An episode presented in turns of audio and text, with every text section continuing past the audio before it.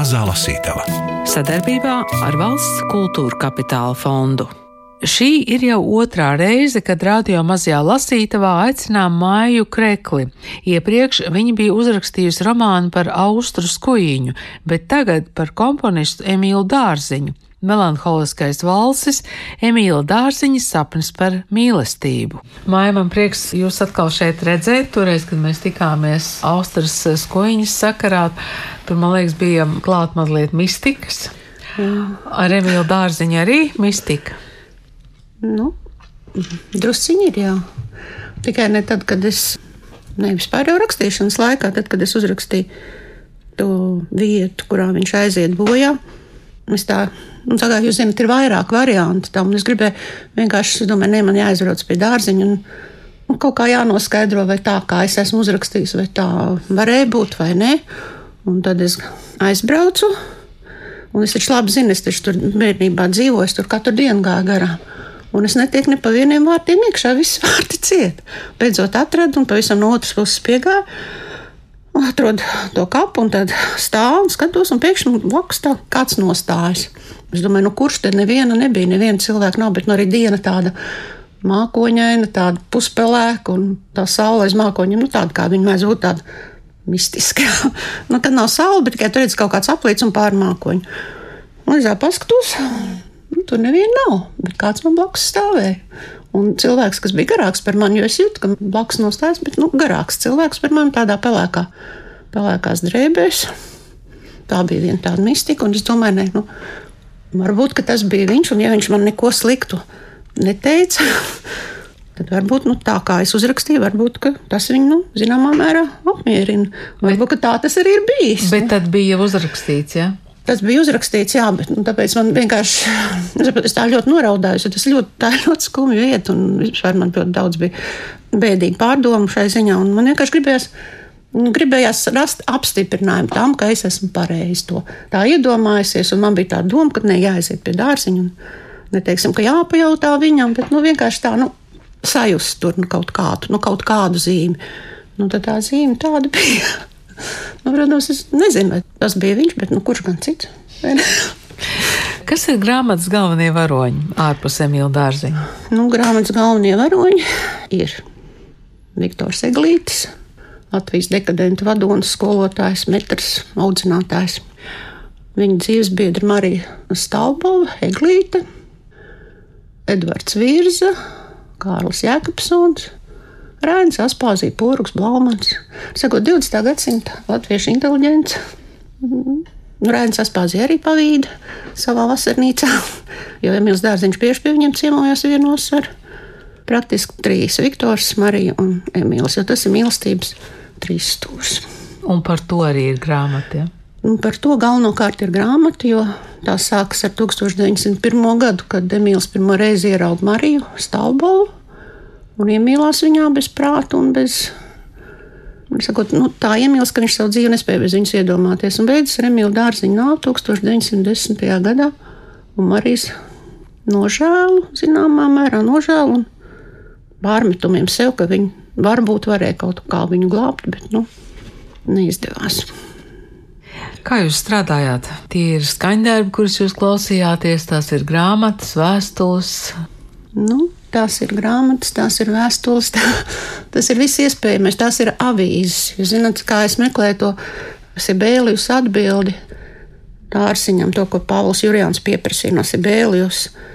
Viņš tie datumi visi ir ļoti nepareizi tur salikt. Tāpēc, ka mums bija, tas šeit, Latvijā bija pēc Krievijas laika tas vecais kalendārs, un tur bija jaunais, un tad var brīnīties, kāpēc vēstule, kas rakstīta, nu, pieņemsim, kaut kādā Nu, es saprotu, pavisam citā datumā tev avīzē tu meklē divas nedēļas pēc tam. Vai pirms tam es jau sajaucu.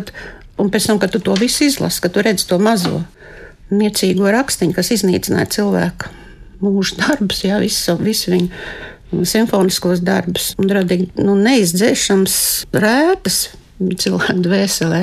Tas tāds maziņš, maziņš rakstīns tāds tā, tā pieskaries tai vēstur, vēsturē, jā, vēstures elpai, tad nu, ir tā. Man ļoti patīk pētīt un skatīties vecus rakstus, gan vēstules. Nu, protams, ļoti, ļoti, ļoti daudz Es paņēmu no Viktora un Marijas Eglīša sarakstus, ko es jau 2002. gadā rakstot pavisam citu grāmatu, izpētīju visu. Man bija ļoti, ļoti liels pārsteigums. Jo, kā mēs zinām, ka Emīls Dārziņš vienmēr ir baltais, tas nu, cēlājs. Man tik ļoti mīļais cilvēks, tāds romantiskais varonis, un tā es Marijas vēstulēs rakstīts alkoholiķis, paliek alkoholiķis. Nu, tādā garā. Un vēl tas Viktora izteiciens, jo Viktors, ja, protams, zināja arī, ka Emīls Dārziņš ir tas, kurš mīlē, bet nedabūjam arī. Un tā viņa slēptā, tā, dažreiz arī pilnīgi atklātā tāda divcīņa, nu tāda savu pārākumu parādīšana. Nu, tas arī bija ļoti, ļoti interesanti. Lai gan es arī domāju, nu, cik tas ir ētiski to rādīt vai nerādīt, vai, bet nu, galu galā Daudz to zina, ļoti daudz atkal nezina, bet galu galā tā ir bijis. Un galu galā tas Emīļa dārziņa liktenī šī nelaimīgā mīlestība spēlēs lielu lomu. Un pie tam viņi bija kaimiņi arī. Es iedomājos, cik grūti viņiem dzīvot vienā dzīvoklī. Viņi laiku pa laikam dzīvoja vienā dzīvoklī, un cik grūti Emīlam Dārziņam bija skatīties uz Mariju, kas pieder citam cilvēkam un kurš nenovērtē viņu. Jūs tiešām mācāties Pēterpilī? Jauna slaida gaišmata vaicās požām acīm viņu vērodama. Tiešām konservatorijā, kā es jūs apskaužu, kas tur ko apskaust, nav jau viegla tā studenta dzīve. Nu, tomēr interesanti, to taču nenolieksit. Kā to ņem, kad nav ko ēst, tad viss prieks mācīties pazūd. Jūs ironizējat. Viņa smaidīdama pagriežas pret savu draugu, kuras dzīvoklī nejauši satikušies četri jauni cilvēki. Emīlijas Jankundze paraust plecus un turpina sarunu ar savu kolēģi, skolotāju kociņu, kurš atvedis paciemoties jauno Pēterpils konservatoristu. Gaišmati pieiet pie loga, atspiežas pret palodzi. Viņa ir gāri, ļoti slaidi pirksti, izteiksmīgs profils. Viņš ir pietiekami tuvu, lai ar savām vārgajām acīm to saskatītu. Marija, atnes krūzītes, padzersim tēju, saka Emīlijas Jankundze. Tu taču zini, kur man trauks stāv. Jā, protams, viņa priecīgi atsaucas un sāk darboties. Viņš vēro meitenes graciozās kustības, pārdomā, kāpēc tik neveikls bijis sarunā ar viņu. Bet ko var gribēt no nabadzīga, noplukuša jaunekļa vecās pašaustās drānās un caurās zeķēs? To, ka viņā dziļi slēpjas radošs, meklējošs gars un alks pēc mūzikas brīnuma, neviens aiz necilās ārienes nesaskata. Nāciet un sēdieties pie galda, nekā jau vairāk nebūs kā tikai tēja un kriņģeļi. Negaidīju šodien neviena ciemiņa, saka Emīlija. Tomēr pie nelielā līkājainā galdiņa paliek tikai viņa pati ar kociņu. Marija paņem krūzīti un apsēžas uz sofas. Viņa klusi smaida, kad viņš apsēžas blakus. Es arī gribētu mācīties mūziku, viņa ierunājas. Tāpēc arī teicu, ka apskaužu jūs. Kas jums to liedz? Naudas vai gribas trūkums? Marija saminstinās. Atkal viņš ir bijis par daudz nesmalkjūtīgs, tik trausla būtne, viņš nav radis ar tādām sajieties. Tomēr jaunava nopūšas un atbild: vecāki neatvēl. Es gribēju uz Maskavas konservatoriju doties, bet viņi domā, ka man tur nav ko darīt. Viņa mani nelaistu, nedotu naudu. Esat mēģinājusi aizbēgt? Pazība platas, izbrīnītas acis, tik dzidri zils acu skats. Nē, tas man pat prātā nav nācis. Es gaidu, kad viņa paša apdomāsies, negribu sanīsties. Mm, baidāties, ko kaimiņi teiks. Nu, varbūt arī, bet es nevēlos būt nepateicīga. Vecāki mani vienmēr atbalstījuši. Jūs vēl mācāties? Jā, Lomonosova gimnāzijas pedagoģiskajā klasē pabeigšu būšu franču un krievu valodas skolotāju. Ja vien, oh, šahmā, viņš gari novelk pēdējo zilbi, ja vien, nu, ja vien vecāki nepārdomās. Nu, cik jums gadu, Jankundze? Jūs neesat pārāk taktisks. Nu, labi, nav jau vēl ko slēpt. Man ir 20, un jums? Tūlīt padomāšu. 24 palika pērnu rudenī. Es arī esmu dzimusi rudenī, novembrī. Es oktobrī piebalgā. Tad jau mēs abi esam vidzemnieki. Mana dzimtene ir Grašu pagasts. Tas ir pēc asmainas. Tēvam ir kroks un tirgotava. Dīvaini manam arī bija. Tagad gan vairs nav, nu ir zemnieks, kamēr neizputēs. Nu, kāpēc tik ļauni jādomā? Nu, redziet, Jaunkundze, viņš reiz bija arī skolotājs. Es esmu skolā dzimis, bet mans tēvs, nu, viņš nekur nenoturas, tāda daba. Viņa nokar galvu, laikam nesaprot, ko lai saka, kā lai turpina vieglu un nepiespiestu sarunu. Viņš vienmēr kļūst drūms, kad jārunā par tēvu. Kaut viņam tāda vispār nebūtu bijis, bet māte, labā mīļā māte, neskapēc bija apprecējusies ar nevērīgu un lielīgu cilvēku, turklāt dzērāju. Nu, kur tiem sieviešiem acis? Kur prāts? Kociņš pieceļas, sāk atvadīties, jāprotas un jāceļas un jādodas prom. Slaida vēsa roka, atvadoties ieslīd viņa plaukstā. Nu, gan jau kādreiz vēl satiksimies, Jaunavs saka. Prieks bija ar jums iepazīties. Visu labu, Jankundze. Ceru, ka tiksimies, kad atgriezīšos Rīgā. Varbūt pat kopā uzspēlēsim kādu polku. Vai tad jūs neko vairāk konservatorijā nesat iemācījies? Viņa pasmaida. Tad jau tiešām nav vērts uz turieni dzīties. Nu, ir viņa kārta nosarkt, neveikli atvadīties un pēc tam sevi šaustīt par muļķīgo izrunāšanos. Gribas to aizmirst, bet tad jau būtu jānodod aizmirstībai arī brīnum jaukā Marija. Ideāls, kas atbilst tavai gaumei, smejas kociņš, kad abi iznākuši uz ielas. Stālbova jaunkundze patiešām ir talantīga mūziķa. Vecāki pārtikuši var samaksāt stundas pie labākajiem skolotājiem. Un kas man daļas? Emīls atvairās, lai spēlē, lai mācās. Es jau nu gan redzēju, cik vienaldzīga viņa tev bija. Neskata nenovērsi. Glīts sievišķis, patīkami izturēšanās, kāpēc neparunāties? Nekas nopietnas man nav prātā, jāpabeidz izglītošanās. Nu, nu, ko tu vispār iedomājies? Nu, neko, neko. Kā jūs virpināt tos dialogus? Vēstulēs vai dienas grāmatās ir viena valoda, bet dialogos kā jūs iedomājaties to viņu valodu? Es godīgi sakot, nemāku atbildēt. Es vienkārši, kad es rakstu, viņi man tā runājās, un es tā pierakstu, ko, ko, ko viņi saka. Nezinu. Nu, Nu, tā tas ir. Jā. Tā tas notiek. Nu, tā tas jā? notiek. Vienkārši, nu, jo, lai es teiktu, ka man liels pūles gādāja rakstīšana, tā nebija. Tas viss tā tik ļoti. Jūs šķīvīt negriezāt? Ne? Nē, nē, nē, nē, vienkārši es rakstīju, un viss tas jau man galvā jau bija iepriekš. Ne jau iepriekš, bet nu, tas radās viss uz vietas un ļoti tā tekoši gājis priekšā. Emīls cenšas aizmirst Marijas atraidījumu. Viņa joprojām ir laipna un jauka, sarunas abiem vaļsirdīgas un aizrautīgas. Nabaga sieviete domā, ka viss viņu starpā izrunāts un noskaidrots, tā tad nav nekādu šķēršļu draudzīgai saskarsmei. Šad tad viņa atļauj nākt ciemos, tad abi muzicē, smejas par Marijas kļūdām. Viņai ļoti patīk Emīļa jaunās dziesmas kā zakšus, tik lēnām, tik klusītiņām. Viņa dungo viegli nosargdama.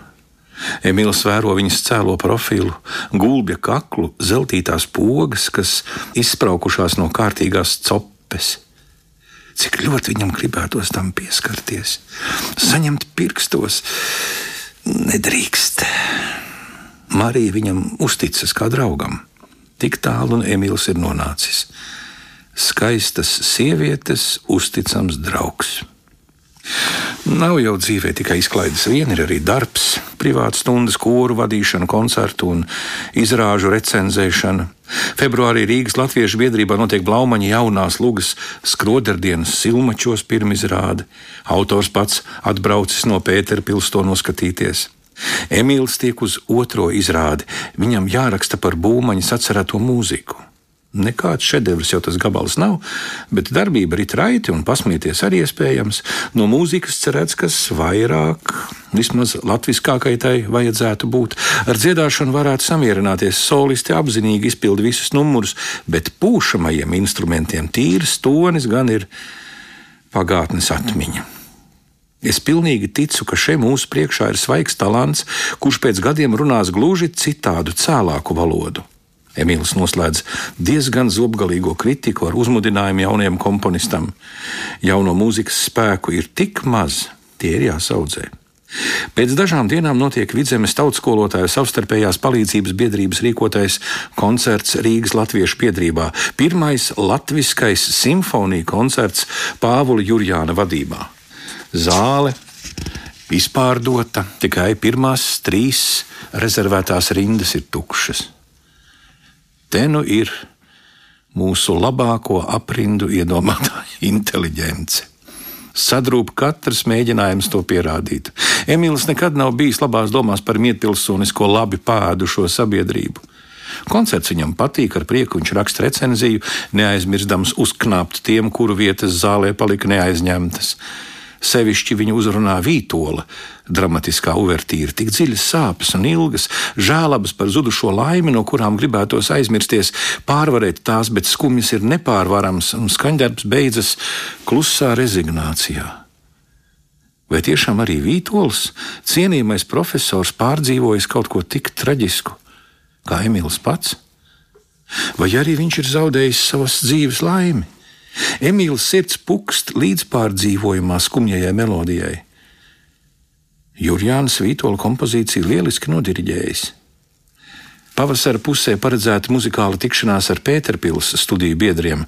Alfrēds diriģēs Emīļa Melngaļa kora dziesmu Dievs dod mūsu tēvu zemē, Rīgas Latviešu biedrības muzikāla dramatiskajā soarējā.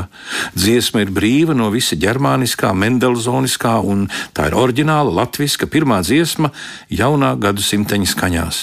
Kaut nu mūsu bāliņi to spētu novērtēt. Dzīve rit uz priekšu. Labi, ka Emīlam ir mūzika un labi draugi. Skumji ir satikt Mariju un saprast, ka nekad viņu neturēs savās rokās. Bet vēl skumjāk būtu viņu nemaz neredzēt. Kurš gan būs tas laimīgais, kam piederēs viņas sirds un miesa? Kaut nu tas cilvēks būtu Marijas cienīgs. Viņa esot uzrakstījusi savu atzīšanos un saņēmusi arī atbildi. Tagad, gaidot ciemos, esot daudz kas pārunājams. Vai bija vērts rakstīt? Emīls jautā. Bija. Marija atbild droši un pārliecinoši. Viņas acīs dega kvāloša uguns, ko Emīls nebija spējis iedegt. Viņš var tikai vērot un cerēt, ka Marija iet savai laimē, nevis nelaimē pretim. Tas jau ir pēc tā, ko jūs stāstījāt par to, ka jūs uzrakstījāt, kā tas varēja notikt, kur jau ir dārziņa bērns.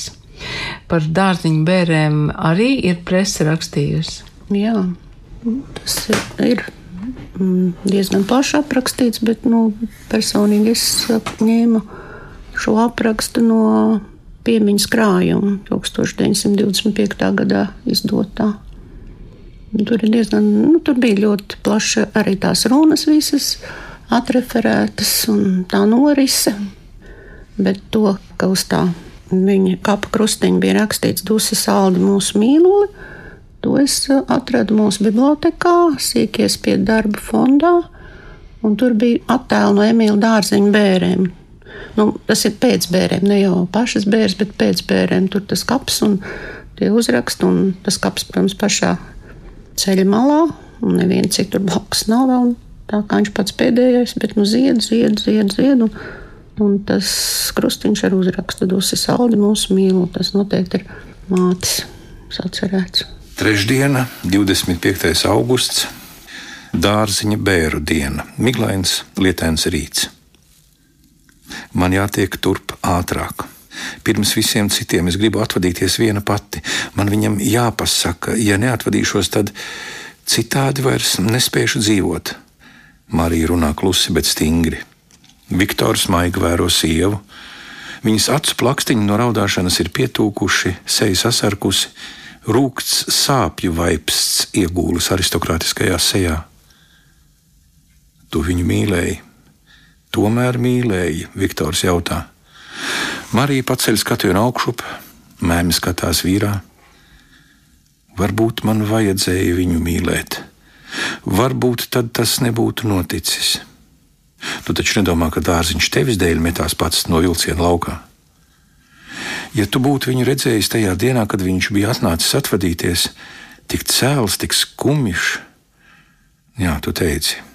Viņš izskatījās tā, it kā būtu pazaudējis pēdējo, kas saista pie dzīves, brīvs un gatavs mūžības lidojumam.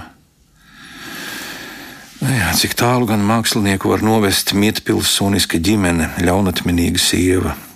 Kā Mērija drīkstēja tik lielam talantam ļaut aiziet bojā savu sīko vēlmju dēļ? Viktor nevaino viņu. Varbūt vainīgā stāv pat labam tavā priekšā.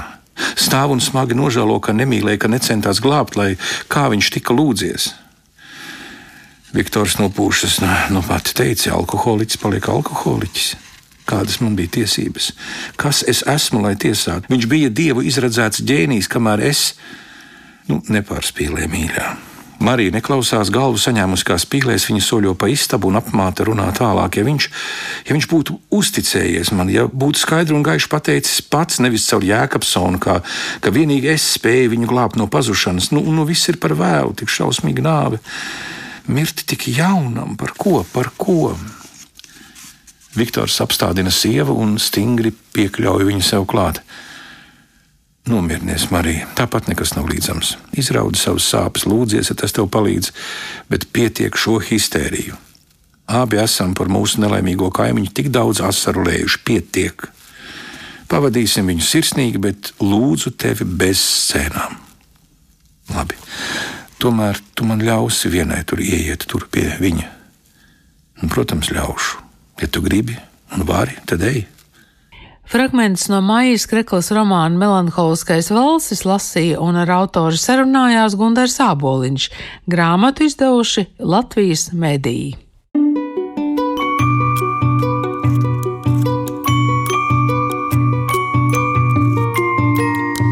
Radio Mazā Lasītava Sadarbībā ar Valsts kultūra kapitāla fondu.